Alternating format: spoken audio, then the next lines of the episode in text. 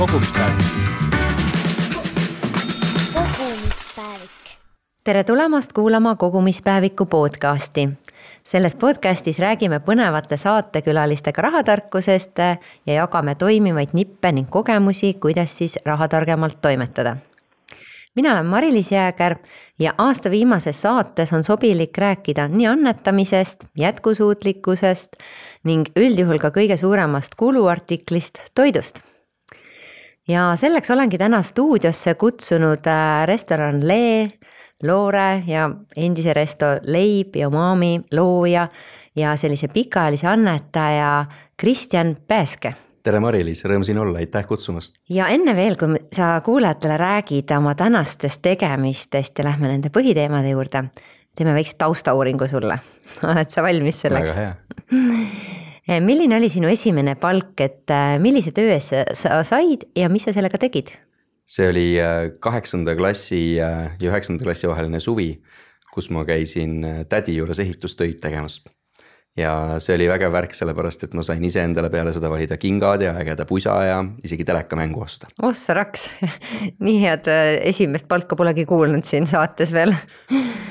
et edukas, nii, mis oli sinu, on olnud siiani sinu parim investeering parim investeering on olnud õigetesse inimestesse panustamine. mm? -hmm. väga kihvt ja üks nendest oled sina, ma saan aru. see oleks väga egoistlik vaade pigem tegelikult, et äh, minu äris on, on inimesed kõige tugevam kapital ja ma arvan, et äh, esimene selline kõige tugevam otsus oli äh, koostööotsus koos minu tänase äripartneri Janno Lepikuga kümme aastat tagasi leibrestorani äh, tegemine, et me oleme täna äripartnerid ka rohkem kui kümme aastat hiljem ja see on olnud väga edukas teekond meile mõlemale. Mm, seda on rõõm kuulda ja seda ka kõrvalt on näha. nii, ja milline on olnud kõige halvim investeering või selline tobe rahakasutus võib-olla? ma ei taha liiga sügavmõtteline olla seda öeldes, aga tegelikult ka ma ei usu, et äh, elus on halbu investeeringuid selles osas, et äh, mitte, et kõik õnnestunud oleks, aga neid ebaõnnestumisi on hirmsasti vaja selleks, et äh, järgmine kord paremini õnnestuda. sest et nad õpetavad tugevalt ja ma päriselt ei, ei näe tagasi vaadates ühtegi investeeringut sellisena, et oleks pidanud selle tegemata jätma, sellepärast et kes teab, mis siis pärast olemata oleks olnud. mm. -hmm. see on nagu võtab nagu kooliraha siis, kui, kui juba nii-öelda midagi mm, ebaõnnestub. nii, aga suurim väljakutse sinu elus või selline keerulisem hetk või? ma arvan, et äh, läbivalt on see enda time management selles osas, et, et äh, ta on võib-olla natukene liiga töö poole kaldu ja ma pean õppima seda, kuidas, kuidas äh, tuua ennast ja peret äh, sinna põneva tööelu kõrvale rohkem. ja see on midagi sellist, kuhu ma loodetavasti õigele teele olen suundumas mm. -hmm, no väga hea, nüüd äh, varsti hakkab ka uus aasta, et siis saad äh, uued eesmärgid paika panna ja rohkem tasakaalu siis erinevate nii töö kui ka pereelu vahel. väga vahva, ma arvan, et selline äh, mõte või eesmärk on paljude inimeste peas. nii, aga äh, läheme siis sinu juurde, et äh, ma tean, et sa lapsepõlves tahtsid saada jõuluvanaks. on see unistus täitunud? oi, sa oled väga hästi teinud oma kodutöö ja mul oli tõepoolest selline unistus ja ma suutsin oma jõuluvana mängudega, ma arvan, pool suguvõsa ära tüüdata, aga, aga jõuluvana minu jaoks peegeldas alati sellist vahetut rõõmu äh, kui ta tuli kogu see elevus peres ja, ja siis loomulikult see kinkide harutamine ja mulle väga meeldis siis olla ka ise sellest rõõmust äh, väiksena jõuluvana kõvasti mängides ja, ja mul oli tihe kirjavahetus päkapikkudega ja ma ikka viisin selle maailmaga ennast äh, lõpuni nii kurssi kui sai.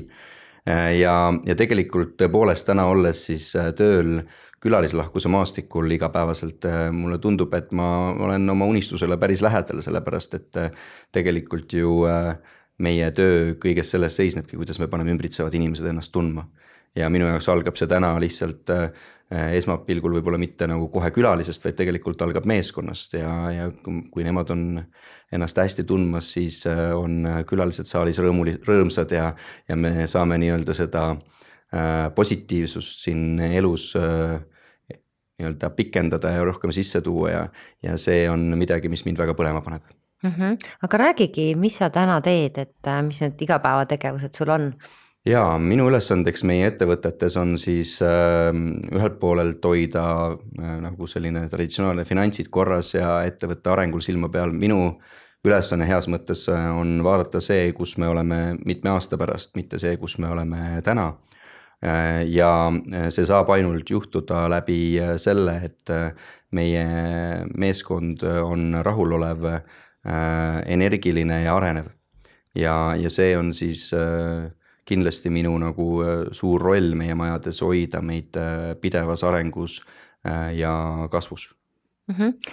aga räägi veel natukene nendest nii-öelda konkreetsetest tegemistest, ongi see lee on ju, on loore või et kuhu, kui palju sa energiat paned ja mis mingid võib-olla kõrvaltegevused on veel, mida äh, paljud kuulajad ei teagi?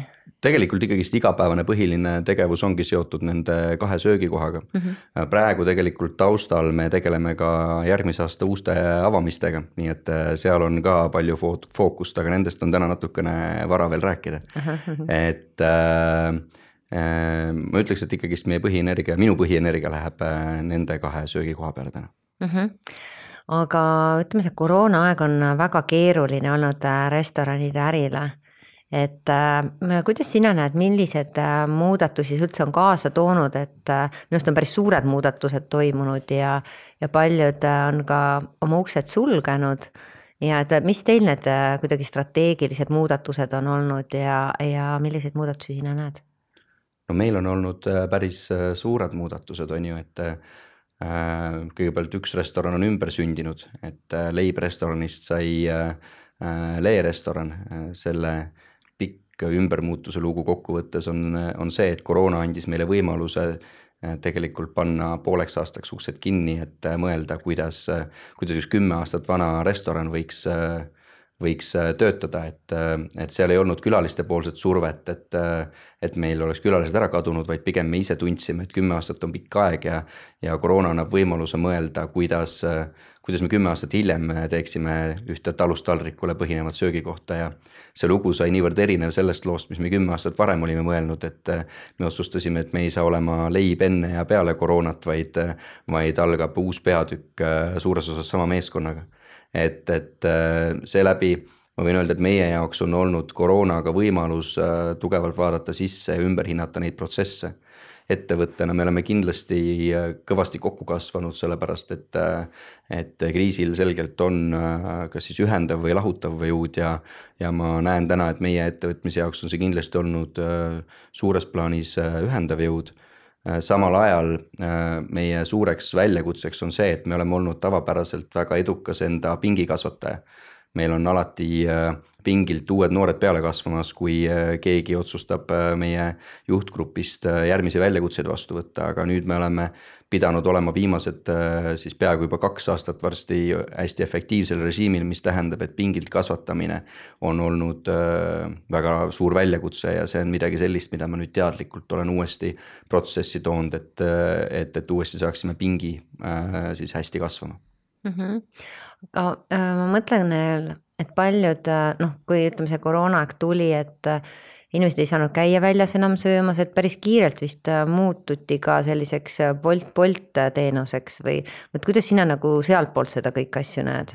Selle ajastu kohta alguses saab öelda tõmblemine mm -hmm. ja me kõik tõmblesime, et meie jaoks oli tegelikult mitu asja seal alguses korraga, et ühelt poolt Loore muutuski Woldi Boldi nii-öelda pärusmaaks ja, leivaga me siis alustasime äh, talust taldrikule asemel talust koju äh, nii-öelda ettevõtmisega, ehk siis me tegimegi äh, veebipoe talustkoju.ee ja ja aitasime kodumaa väiketaludel Eesti kodudesse jõuda, sest tegelikult kui meie tööta jäime, siis meie pere algab äh, restoranis ikkagist tootjatest ja meil on väga isiklikud suhted oma väiketootjatega ja ja nii kui meie äri kokku kukkus, kukkus ka nende äri kokku, ehk siis äh, talust koju oli nagu püüda aidata nii ennast kui neid talumehi äh, siis äh, läbi selle, et, et aidata nende kaupadel jõuda siis inimeste kodudesse ja me tegelesime sellega suisa nüüd peaaegu poolteist aastat, aga aga nüüd see teekond sai täis, kuna see ei ole meie põhitegevus ja tegelikult restoranid saavad jälle normaalselt äh, tegutseda. aga me oleme aru saanud ka sellest, et et see Bolt Wolt ei ole meie äri, ma ei ütle, et see on vale äri aga, aga kõik ei saa olla kõige jaoks, et siin on vahetevahel ka ajakirjanduses räägitud sellest, kuidas me sektorina peaksime siis võib-olla ümber profileerima vastavalt sellele, mis, mis tänapäeval võimalik on. Ja ma saan sellest mõtteviisist aru, aga samal ajal see nagu väljakutse on see, et kui me kõik lihtsustame oma kontseptid ära Bolti ja Wolti, äh, siis äh, mis meie söögiturust peale seda alles jääb, on, äh, on ka nagu väljakutse. Ja tegelikult me oleme täna siin rääkimas jätkusuutlikkusest ja ma ühe nagu jätkusuutlikkuse problemaatika paneks nagu tugevalt lauale ja see on see, et tegelikult ju Wolt ei ole olnud ärina mitte kunagi veel kasumlik Mm -hmm. ja, ja ma natukene lihtsalt valutan südant selles osas, et, et tegelikult äh, paljud söögikohad on, äh, on siis nii-öelda voltimisega aktiivselt tegelemas, samal ajal annavad suurusjärgus kolmkümmend protsenti oma käibest siis äh, ettevõttele, mis omakorda ei ole kasumlik ja samal ajal, kui nad annavad kolmkümmend protsenti oma käibest ära, siis ka nad ise ei suuda toimetada kasumlikult, ehk siis me tegelikult näeme ärimudelid, kus mingis mõttes nagu keegi ei ole lõpuni õnnelik ja, ja, ja see on midagi sellist, mis paneb mind muretsema ja see on üks neid põhjuseid, miks meie ei ole Woldi Boldi äris täna, sest et äh, noh, põhimõtteliselt see meie jaoks ei ole jätkusuutlik, meil ei ole võimalik anda sellise siis kattega toitu edasi, sest et äh, noh, me ise ei püsi. -hmm. noh, pigem selline nagu ellujäämine on ju, miks seda ka kasutatakse. aga mõtlen ka toidu kvaliteedi mõttes, et äh, noh, tavaliselt tellida ära ükskord, kui see äh, sinu juurde jõuab, see toit, et äh, mis sa selle kvaliteedi kohta oskad öelda, tihti on ta juba külmaks läinud, et noh, eriti kui teie, kes te pöörate nii palju tähelepanu ka, ma arvan, ka paljud pööravad just sellele toorainele. ja noh, tihti on seesama see hetk on ju nii, nüüd serveeritakse, nüüd juba sööma hakata, et noh, tegelikult ma arvan, et on ju toitu, mis on väga nii-öelda volditav ja polditav, et mm., et Aasia toiduga ma arvan, suurt midagi ei juhtu, see on väga hästi elab selle transpordiaja üle. ja, ja noh, ega meie väljakutse tegelikult oligi see, et, et see toit, mida me igapäevaselt teeme, see ei ela seda transporditsüklit üle, et kui ka meie hakkasime voltima, poltima, siis see tähendas kõigepealt menüü ümberdisainimist et äh, ilmselgelt on oluline mõtestada sel juhul see toit sellisena läbi, et ta võimalikult mõistlikult ka kodudesse jõuab, aga siin me jõuamegi sellesama väljakutseni, mida ma ennem ütlesin, et sel juhul äh, noh, meie äh, nagu söögikohad kaotavad lõpuks oma näo Mm -hmm. ja, ja ma arvan, et kõik kohad ei peaks Boltima voltima mm. -hmm. no võib-olla õnneks või kahjuks on see rohkem Tallinnas ja suurlinnades, et äh, väikestes kohtades ei olegi seda võimalust, on ju, et tegelikult jätkatakse samamoodi ja ja ütleme ka kohalikud võib-olla sellised söögikohad, et eks neil on ka kindlasti keeruline, aga aga võib-olla natuke teistmoodi lahendused.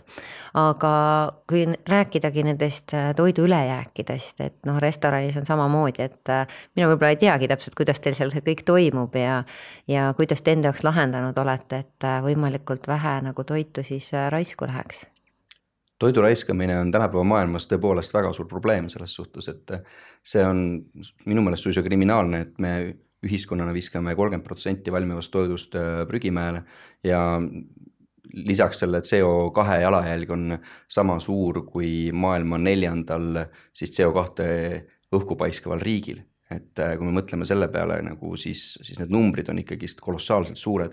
Eestis läheb iga päev kümme prügiautotäit äh, toitu mhm. prügimäele et ähm, aga mina päris siiralt arvan, et restoranid ei vastuta väga palju selle eest. et, äh, et äh, kui me võtame juba restorani ärimudeli, äh, siis toidukulu on üks nendest kriitilistest komponentidest, et olla selles äris edukas. mis tähendab, et raisata ei saa ja ma nagu näen seda, et, et kui peakokk on tubli, siis raiskamist selles protsessis tõepoolest väga ei ole, sellepärast et mm, see on kui me jätame kõrvale nüüd sellise bufeetoidu, kuhu on raiskamine sisse programmeeritud, siis äh, muus olukorras ju tegelikult äh, toit tuleb sisse, jõuab lauale äh, ja, ja võib-olla ainukene raisku läinud toit on see, mis lauas ära ei sööda. et kui peakokk oma töö õigesti planeerib, siis seal vahepeal raiskamist ei ole ja kui tundub, et midagi peaks olema köögis liiga kaua seisnud, siis sellest saab lihtsalt stuff food mm. -hmm. et, et, et tegelikult restoranis sellist äh, klassikalist raiskamist, ma arvan, täna ei ole, aga seal edasi noh, meie oleme enda, meil on enda restoranis ka jätkusuutlikkuse töögrupp, kellega me oleme siis nagu läbi äh, vaadanud ka enda transpordiahela erinevad äh, lülid ja loomulikult näiteks meie, me üritame mitte ainult siis mõelda selle peale, et, et mis on see päris raiskamine, aga mõelda seda, et kuidas toidust võtta viimane, et näiteks kui köögiviljad on piisavalt värsked, siis koorimise asemel saab neid hoolikalt pesta ja me saame võtta nagu seeläbi toorainelt nii palju nahkasid, kui, kui vähegi võimalik. Et, et aga, aga üldjoontes ma täna ei näe, et restoranid vastutaksid suure osa toidukao eest, vaid tegelikult need peamised murekohad on siiski kõigepealt nagu müügiahelaga seotud, et kui palju tootmine suudab õigesti planeerida, kas seal tekivad ülejäägid, mida ei suudeta müüa.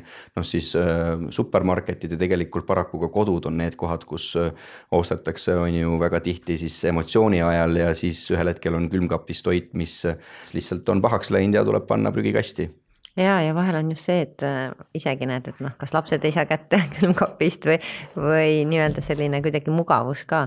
aga mida sa soovitaksid ka kodus olijatele, et äh, kes nüüd kuulavad, äh, mis need põhilised asjad on, mingid nipid, et võimalikult vähe kodus toitu raisata, et noh, üks asi on kindlasti, et soojendad järgmine päev seda toitu.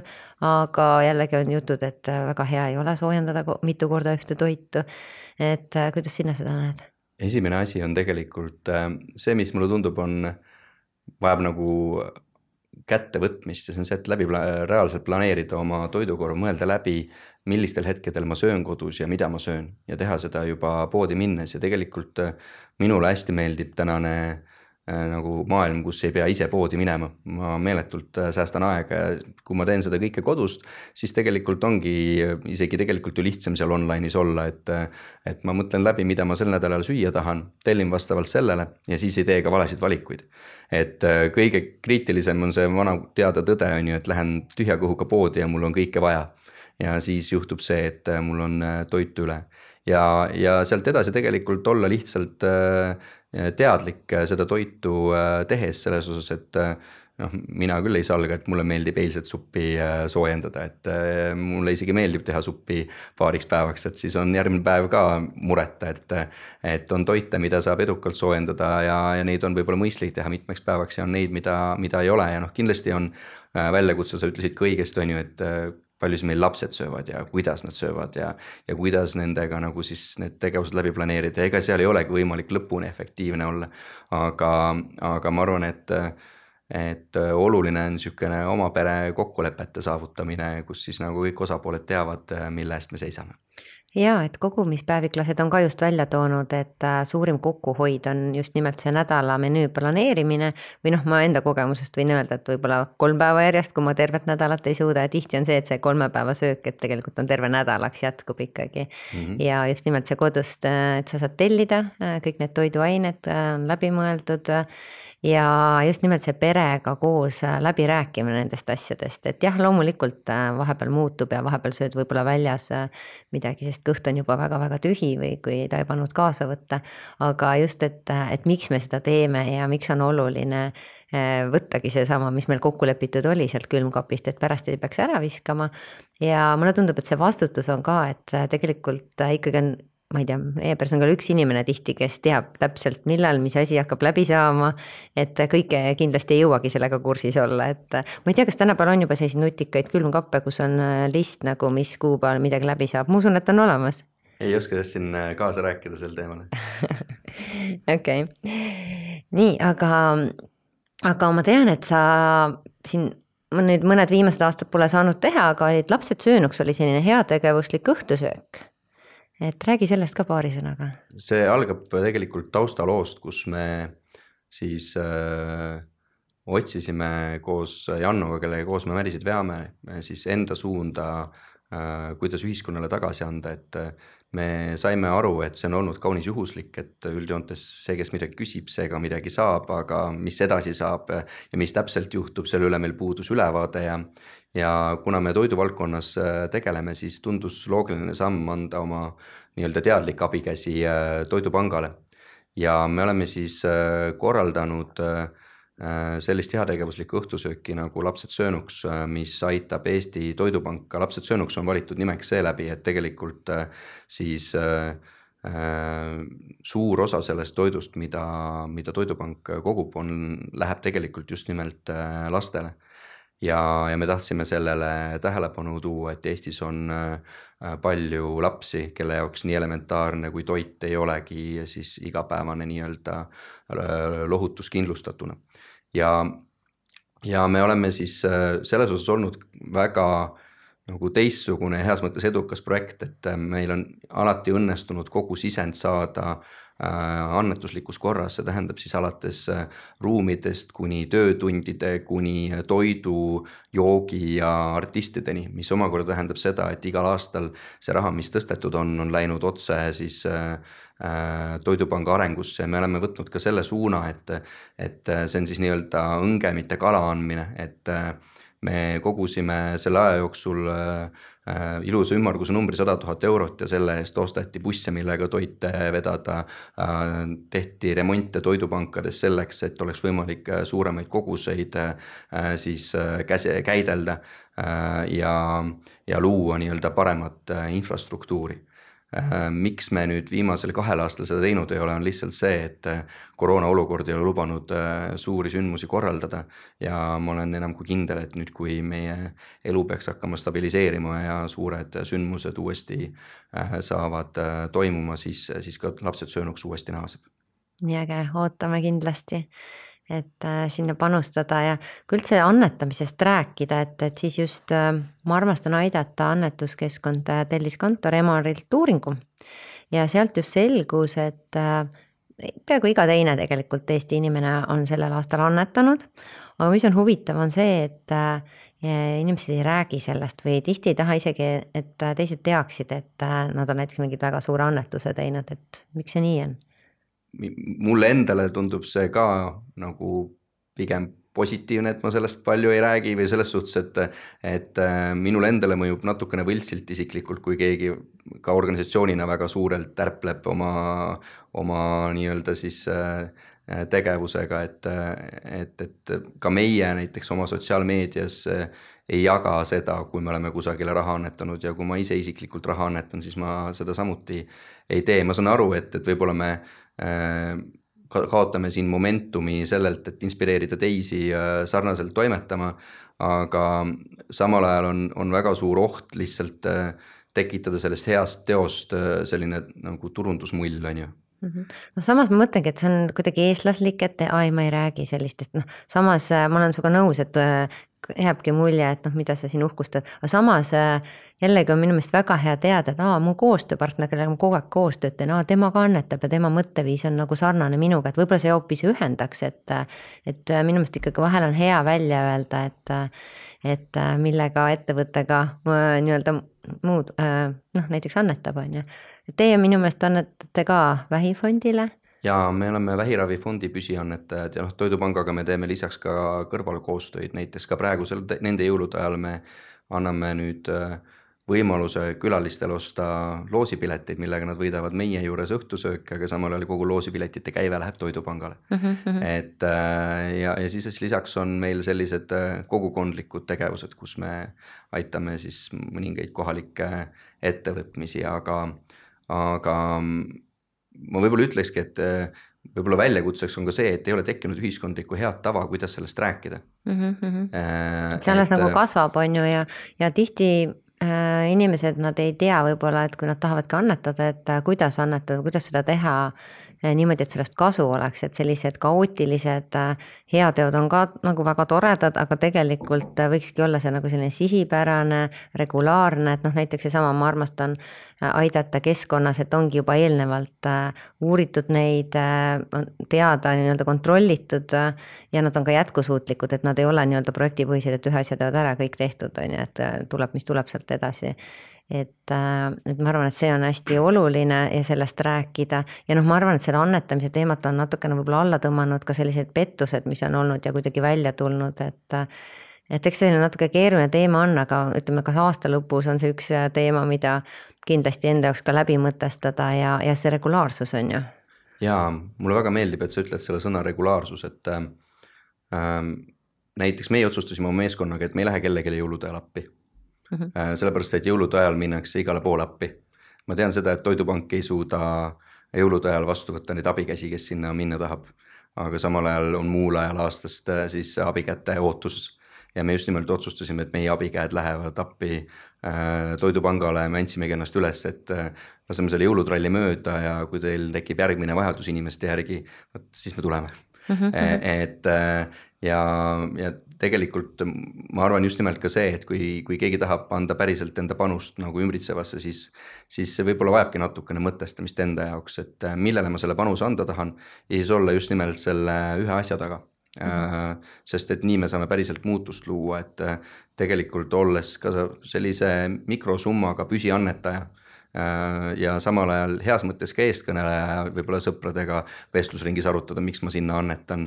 Äh, noh, toob ka järgmist annetust sinna, kusjuures ma selle võib-olla paneks küll lauale, et sõprusringkonnas me küll nagu räägime nendest teemadest ja. ja ma arvan, et, et see on nagu hea koht, kus saab inspireerida teisi äh, sarnaselt mõtlema mm. -hmm, läbi isikliku kogemuse. mina tunnen ka seda, et jällegi, kui ma ise olen käinud aitamas, vaata, see annab endale ka väga sellise hoopis teise tunde, et üks asi ongi see, et sa rahaliselt annetad, teine on see aega, et tihti ongi mm -hmm. vaja seda teadmist või strateegilist mõtlemist, mida võib-olla sellel tiimil just vaja on, et, et kindlasti vaadata seda ja, ja me samamoodi käisime Toidupangas äh, siin nüüd äh, augusti lõpus, et, äh, et jah, jõuluaeg on selline kuidagi kontsentreeritud annetamisel, aga muu aega nad peavad ju ka elama ja edasi toimetama mm. -hmm. aga räägime veel äh, natukene sinust äh, endast ka. et ma tean, et oled ka mentorklubis olnud ja juhtide klubis, et, et kuidas need on sind aidanud või, või miks sa seda kõike teed? ja aastal kaks tuhat viisteist osalesime me EAS-i siis mentorprogrammis, mis on mõeldud noortele ettevõtetele, meil oli viimane võimalus sel aastal sinna sisse pääseda oma vanusega ja minu jaoks oli ta suurepärane võimalus saada kogenud kõrvaltvaataja pilku meie tegevustesse ja aidata läbi mõelda, kuidas me peaksime planeerima järgnevat kasvu. ja seal äh, saadud kontaktide ring tegelikult äh, on ühelt poolelt siis need mentorid, kes sind aitavad, aga tegelikult nagu ülipõnev on ka see mentiide ring, kellega kes on äh, samasugused äh, kasvujärgus ettevõtted ja kelle probleemid on sarnased ja kus tekivad äh, väga põnevad ka siis nii-öelda ristäri võimalused, kus sa avastad endale põnevaid võib-olla isegi koostööpartnereid erinevatesse suundadesse, et et ma tean, et see EAS-i mentorprogramm eksisteerib siiamaani ja ma väga soojalt saan soovitada seda kõigile just nimelt noortele ettevõtjatele. Aga ma olen siis viimase sellise äh, Äh, kümne aasta jooksul olnud kahes erinevas äh, juhtide siis kokkusaamisprogrammis äh, ja, ja need on andnud hästi palju. et nende eesmärgiks on olnud siis ühel juhul lihtsalt peegeldada meie erinevaid väljakutseid ja õppida siis teiste juhtide võitudest ja, ja väljakutsetest. ning praegusel juhul siis me sellele lisaks tegelikult teeme selliseid äh, mõtteharjutusi, kus me õpime võib-olla teistmoodi nägema organisatsiooni äh, käitumist, seda tänast juhtide gruppi äh, veab meil Elari Killumets, kes on siis ähm, üks inspireerivamaid kontakte minul viimase selle kahe aasta jooksul. Ja, ja tema koolitused on aidanud meie ettevõtet äh, siis äh, päris põnevalt just nimelt äh, üksteise parema mõistmise seisukohalt. ja, ja on olnud äh, läbi selle juhtide grupiga minu jaoks hästi põnev kasvuperiood mm. -hmm. siis ma mõtlesingi, et miks ma seda ka küsin, et kindlasti meie seas on kuulajaid, kes on mõelnud, et hakkaks ka sellist, kas siis restoraniäri tegema või mingit kohvikut või hoopis mingit muud äri mm. -hmm. et just, et alguses ma saan aru, et ongi see oluline need sellised õppetunnid äh, läbi käia ja see informatsioon äh, nagu omandada. ja et hiljem ka, et, et kui sa tunned, et äh, oled kuidagi mõtetega üksi jäänud või noh, eriti ma arvan, praegu on väga paljud on, noh, tihti öeldakse, et seal ülevalpool või kus sa juht oled, on see õhk hõre ja, ja inimesi vähem, et, et just leida sellist üksteise toetust ma saan väga julgustada, et, et leida sellised viisid äh, kuidas kohtuda inimestega, kes mõtlevad sarnaselt, samal ajal, et näha erinevaid äh, vaatenurki. et äh, me õpime siin ikkagist igal päeval ja, ja hästi hea võimalus on õppida vahetevahel teiste õnnestumistest ja väljakutsetest, sest ise ei jõuagi kõike kogeda mm. -hmm. aga kui nüüd tahakski alustada täna mingit sellist kohviku äri või restoraniäri, et mis need asjad oleks, mida sa ütled, et palun mõelge enne need asjad läbi või või, äh, või noh, tõesti, võib-olla, et mine kõigepealt hoopis ise kuhugi kohvikusse, restorani tööle, et sellest ärist paremini aru saada või mis need soovitused on? Kõigepealt ma tahaksin õnnitleda, et oled sisenemas väga põnevasse maailma, ma arvan mm, -hmm. et see üks äh, emotsionaalsemaid heas mõttes ja kütkestavamaid ärisid ja see on ka põhjus, miks neid ärisid äh, nii palju kõrbeb äh,. sest et ta näeb väljastpoolt välja nii äge ja kui ma kodus oskan hästi võõrustada ja süüa teha, siis tundub, et ma võiksin tahta seda ka suuremale seltskonnale teha. et äh,, et, et selle kõrbemise äh, siis protsendi taga on kindlasti see, et sinna satub äh, kahjuks liiga palju juhuslikkust, et mida ma saan selgelt soovitada, on see, et see on see äri, äri, kus siis harva õnnestutakse ilma, ilma varasema kogemuseta. et, et mina soovitan noorele inimesele kindlasti ennem investeerida enda aega, et õppida teiste juures ja, ja enda heas mõttes vead lasta kellelgi teisel kinni maksta. ja, ja näha nagu hästi toimivaid organisatsioone seestpoolt, et seda siis osata ise paljundada, sellepärast et äh, see jalgratta väljamõtlemine meie äris võib pealtnäha tunduda hästi lihtne, aga tegelikult äh, eeldab päris tugevalt äh, süsteemsust ja, ja sellest võib-olla jääbki ka meie äride ebaõnnestumise puhul kõige rohkem puudu sellisest mõtestatud äh, süsteemsusest ja selleks, et seda mõista, on hea olla ähm, kõigepealt selles äris sees. Ja ma saan aru, et kas, ma ei tea, restorani omanikud ka omavahel käivad kuskil koos või kuhugi ennast niimoodi sisse nihverdada? Ähm, kõigepealt, ähm, kui keegi tahab äh, selles äris kasvada, siis äh, meie ettevõtmistesse on nad väga oodatud mm, -hmm. meile väga meeldivad talendid. Ähm, me äris tegelikult äh, suhtleme päris tihti erinevate restoranomanikega, meil võib-olla ei ole sellist ühist ümarlauda, kus kohtuda, aga sellised kõned üksteisele, et kuidas me olukorda näeme ja kuidas, kuidas keegi midagi teeb, on päris tavapärased. Ja eriti siin viimase pooleteist aasta jooksul, kus situatsioon pidevalt muutub, on ähm, tegelikult äh, restorani omanike suhtlus omavahel muutunud veelgi tihedamaks. Mm,. seda on ainult rõõm kuulda, sest tegelikult see on väga oluline, on ju, et mitte ainult, et sa oled konkurent, vaid et sa kogu aeg suhtled ka ikkagi ja et koos nagu muuta seda maailma, on ju seda äri ka. ma siin võtaks sellest sõna otsast kinni lihtsalt ja ütleks, et ma päriselt arvan, et, et me nagu väga harva näeme restoranomanikena üksteist nagu konkurendid.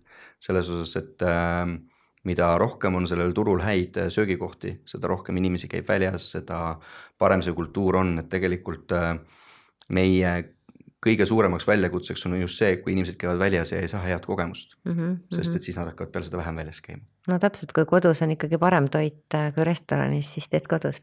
aga ei, õnneks on täna on meil väga häid restorane, aga kuidas eestlaste üldse toiduharjumused või jah, on muutunud, et äh, sa vaatad ju teiselt poolt ka, et menüüs, et mida tellitakse, et kas on rohkem selliseid, ma ei tea, veganeid või, või mida sina näed? ma näen, et on rohkem kõike kui me veganlusest räägime, siis on ilmselgelt äh, tegu, mina enam isegi ütleks trendiga, vaid tegu on elustiili muutusega mm. -hmm. ja, ja meie puhul näiteks tähendab see seda, et kui me juba ähm, restorani algusaegadest saadik oleme pidanud vajalikuks, et meil igas siis eelroog, pearoog, dessertgrupis on vähemalt üks veganroog, siis nüüd me oleme vanalinnas Lee restoranis läinud veelgi kaugemale, et meil on olemas ka vegan menüü tavamenüü kõrval mm.. ja Loores on meil alati päris mitu vegan valikut äh, äh, saadaval. Ja ma leian, et see on, on väga oluline, et, et me tänapäeva restoranides enam ei ütle, et me jätame siis liha ära, kui te nagu soovite vegan toitu ja saate neid keedetud kartuleid süüa, et et, et, et tegelikult ma usun, et, et et enam väga paljud söögikohad on selle, selle trendi või siis nagu elustiili muutusega juba, juba kaasa läinud ja see saab olema järjest, järjest tugevam. ma näen seda, et, et meie turg on, on väga palju teadlikumaks saanud siin viimaste aastate jooksul ja heas mõttes ka nõudlikumaks et inimesed teavad, mida söögikohalt oodata ja oskavad seda nõuda ja oskavad seda tahta. ja mul on hea meel ka see, et et äh, külaliste joogiteadlikkus on oluliselt äh, kasvanud. külalistel läheb korda see, et kõigepealt äh, veinivalik oleks hea, aga seal kõrval ka ei piisa meil enam tavalistest karasjook, karastusjookidest siis selleks, et pakkuda mittealkohoolse joogakogemust, vaid see peab olema heas mõttes läbimõeldud, et et kui ma alkoholi täna ei soovi, mida ma siis saaksin, et mul oleks ka põnev, mõnus ja maitsev. et ühesõnaga turg on väga selgelt liikumas äh, järjest enam äh, kvaliteedi suunas ja see sunnib ka toidukohti heas mõttes kogu aeg muutuses olema ja see on väga positiivne kas seal on näha ka vanuselist kuidagi trendi, et ma ei tea, nooremad on rohkem nii või naa või, või vahet ei ole? vanuselised trendid kindlasti on, noh, võtame kasvõi sellesama vegan ja taimetoidu teema, siis on see pigem ikkagist noortelt peale kasvav elustiil mm, ja tegelikult ma näen ka seda, et äh, noored näevad äh, jätkusuutlikkust kui sellist äh, juba tihtipeale nagu tugevama vajadusena kui, kui vanem põlvkond, mis omakorda sunnib muutustele. et kui me nagu menüü osas räägime, siis Äh, noored on ka tihtipeale avatumad nii-öelda seikluslikumale toidule kui, kui juba nagu küpsem äh, seltskond, nii et selles suhtes äh, kindlasti, kindlasti tuleb arvestada sellega, et põlvkondadega koos muutuvad ka harjumused mm. -hmm. see on väga põnev, et ongi, et need klient küsib uut asja, siis on vaja seda ka teha, on ju. aga räägime veel korra investeerimisest ja üldse rahast, et, et kuhu sina investeerid mina investeerin äh, inimestesse. Et äh, ma päriselt näen inimesi kui äh, kapitali ja selle sõna loodetavasti heas, mitte halvas tähenduses, et, et kui ma näen neid nagu kapitalis, see tähendab, et nende eest tuleb väga hästi hoolitseda. ja, ja, ja hoolida, et et minu peamised investeeringud rahalises võtmes on olnud samamoodi minu ettevõtted, sest ma näen, et ma suudan oma raha läbi oma ettevõtete kõige kiiremini ja kõige parema võimendusega kasvatada. -hmm, just, et sa kontrollid seda, et äh, väga kihvt, aga äh, ma tean, et sa oled ka suur veinide ekspert, et äh, kas sa oled investeerinud ka veini? või kuidas, kas on äh, sinu jaoks ka vein kui selline investeerimisobjekt? Vein on minu jaoks kui emotsionaalne investeerimisobjekt, et kindlasti on meil nii restoranis kui ka mul kodus veine, mille väärtus ajas kasvab, aga ma ei ole ostnud neid selliselt, et, et plaanida neid äh, müüa samal ajal. kui me langesime nüüd äh, siia esimesse koroonaringi, siis äh, oli veini väga hea kapital, meie veinikeldris oli väga palju väärtuslikku ja tegelikult mul õnnestus noh, nii-öelda siis veinikeldri Äh, müügiga jällegi äh, tõsta ettevõtte likviidsust, nii et keerulisel ajal tegelikult ka hästi hoitud veinikelder äh, tuli väga selgelt appi, nii et see on võib-olla hea näide sellest, kuidas ta on olnud investeering, aga, aga nii-öelda teadlikku investeerimisportfelli oma veinidest me ehitanud ei ole. aga miks? või see on selline tuleviku asi, et või lihtsalt sul ei ole olnud aega mõelda selle peale, kui teadlikult sellega tegeleda? no jällegi tegelikult ütleme siis nii, et, et võib-olla see teadlikkus on seal taga, et ma tean, et ma, me oleme ostnud tegelikult ka restorani jaoks veine juba siin kuus-seitse aastat tagasi ette, mida me täna müüme. selleks, et pakkuda küpseid aastakäike. nii et võib siis öelda, et ma hoian pigem selle veini investeerimistööd tehes siis kõige prioriteetsemana seda, et see söögikogemus restoranis oleks võimalikult äge ja kihvt et, äh, et see on jällegi see, kuhu me oma fookuse paneme, minu fookus on pigem nendel söögikohtadel, siis jah, kui ma isegi niipidi mõtlen, siis neid investeeringuid on olnud päris mitmeid ja me, meil on päris arvestatav veinikelder, mis ei asu restoranis, kus asuvadki veinid selleks, et, et pakkuda küpsemaid aastakäike, aga need investeeringud on seotud siis elamuse kasvatamisele restoranis mm. -hmm. ja, ja, ja ma arvan, et sinna see fookus ka jääb ja no eks ta ongi, et, et taustal sa nagunii tegelikult tegeled sellega, aga mis on sinu enda lemmikvein? Kui nii üldse ühte välja saab tuua, ma kujutan ette, et see sõltub söögist ja ma ei tea, meeleolust ja ma ei tea kõigest, millest veel. jaa, päris ausalt, mul ei ole seda lemmikveini mm. -hmm. ma ei salga, et ma olen suur šampanjasõber mm, -hmm. aga see ei, ei tähenda seda, et, et see oleks liiga tihti avatuna mm. -hmm. et äh, ma ei tahaks täna küll ühte osa sellest äh, veinimaailmast esile tuua, sest et ta on äh, väga värvikirev ja see ta just ägedaks teebki mm. -hmm aga tulemas on aastavahetus, äh, mida sa ise paned äh, oma kodus siis aastavahetuse lauale? palju rõõmu et äh, jaa, mm, alkoholil on äh, seal minu maailmas oma koht, aga see on mõistlikus koguses äh,. ja, ja aastavahetuse juurde kuulub äh, alati üks hea pudel šampanjat. aga toidu poole pealt toidu poole pealt äh, on tegelikult äh, selline võib-olla hea tava, et mulle meeldib lihtsalt äh, äh, nii-öelda võtta palju häid maitseid ja siis äh, neid läbi õhtu küpsetada, et äh, mingil hetkel äh, head liha, järgmisel hetkel head kala kui saan kätte, siis mõned mereannid kõrvale, ehk siis see on selline päev, kus, kus kogu aeg natukese aja tagant midagi valmib, mitte sellise higivaevaga, vaid sedasi rõõmsalt iga natukese aja midagi nokitsedes mm. -hmm. ja kas ma, kas sa ütleme, igal aastal on mingi selline traditsioon, mida sa alati teed või pigem jällegi, et mis on sellised uued trendid, kumb, kumb variant? Ma ei ütleks isegi, et trend selle taga on, ma arvan, et selle taga on see, mis täna on saadav ja mille järgi isu on, et see on minu äh, kõige olulisem nagu kriteerium on alati see, et see toorn oleks värske ja kvaliteetne ja, ja see natukene põhinebki sellel, mida ma päev varem kätte sain, äh, seda me siis sööme mm -hmm. ja, ja see sobib hästi hea mõte, mida kaasa võtta, et äh, ise samamoodi siis käituda. aga lõpetuseks ma veel küsiks, et oskad sa soovitada mõnda raamatut või filmi või podcast'i, mida meie siis kuulaja võiks kuulata, vaadata, et mis, ma ei tea, aitaks olla, mis võib-olla on mõjutanud sinu elu või, või siis lihtsalt aitaks olla selline eesmärgipärasem ja et saaks elada rahuldust pakkuvat elu. kõigile, kes on seotud juhi rolliga äh, siin elus äh,. äh ma soovitan väga äh, Frederic Laloux äh, siis äh, organisatsiooni käitumise raamatut, mis äh, aitab pöörata seda juhtimise püramiidi ümber, et äh, selle asemel, et siis äh, võib-olla sellist iganenud püramiidist ülevalt alla baseeruvat juhtimist tuua, aitab see siis raamat näidata läbimõeldud struktuuri sellest, kuidas kuidas tänapäevane ettevõte saab toimida selliselt, et meil kõigil on omad ülesanded ja, ja püramiidi kui sellist ei ole vaja ja aitab luua siis äh, ettevõtet, mis funktsioneerib kui hästi toimiv organism ja see on midagi sellist, mis mul on kogu aeg ideaalina silme ees. me ei ole võib-olla kunagi kohal, aga, aga ma väga proovin samas suunas liikuda ähm,. siis äh, minu jaoks on äh, tegelikult praktiliselt kõik organisatsioonid teenindavad organisatsioonid siin maailmas ja äh, maailma üks edukamaid äh, restorani loojaid, Danny Meyer on kirjutanud raamat, raamatu Setting the table, mis võtab kokku tema filosoofia söögikoha loomisest.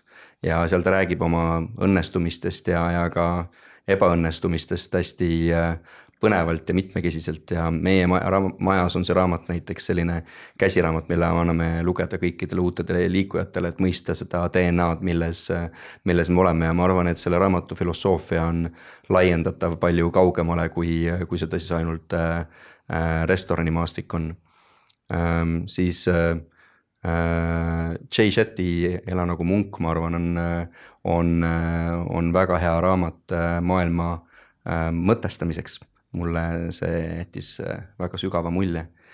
Äh, mis puudutab siis äh, podcast'e lisaks käesolevale, siis noh, ma arvan, et täna on palju Täitsa Pekkis saate kuulajaid ja ma siin suurest massist liigselt ei, ei erine, et seda julgelt soovitada, mulle väga meeldib see. lisaks on Jay Shetil endal väga hea podcast Äh, mida ma samuti äh, tihtipeale kuulan. võib-olla need paneksingi praegult lauale mm. -hmm, ma korra küsin veel, äh, kas mingit kokasaadet, neid on ka väga palju erinevaid, midagi, mida sa võiks ka, noh, ma ei tea, soovitaksid? Ma pean tunnistama, et ma ei vaata neid liiga palju, ma ei oska selles maailmas nõu anda kahjuks teised inspireerijad no siis igaüks leiab endale sobiva, aga suur-suur äh, aitäh nende äh, mõtete eest, äh, nende soovituste eest. ja ma saan aru, et oled ka avatud, et kellele selline mõte tuleb, et tahaks selles ärist rohkem teada ja kuidagi rohkem panustada, et võib pöörduda sinu poole. loomulikult. Ja, ja soovin ka sulle sellist toredat aasta lõppu, et siis jälle nii-öelda kokku võtta oma mõtted ja, ja uuel aastal siis uue hooga jälle edasi teha. ja väga tore, suur aitäh kutsumast. ja, ja kõigile kuulajatele ka, et äh, võite jagada seda podcast'i, kui tundus selline inspireeriv. Ja tulge ka kogumispäeviku Facebooki gruppi, sest uuel aastal me hakkame siis üheskoos jälle neid eesmärke seadma ja eelarvet pidama ja kõiki neid põnevaid asju tegema, et äh, saaks oma rahaasjad korda ja saaks teha neid asju, mida te päriselt teha tahate, et äh, maailm on avatud. ja toredat siis aasta lõppu ja kohtumiseni juba uuel aastal. ilusat aasta lõppu. kogumispäevik. kogumispäev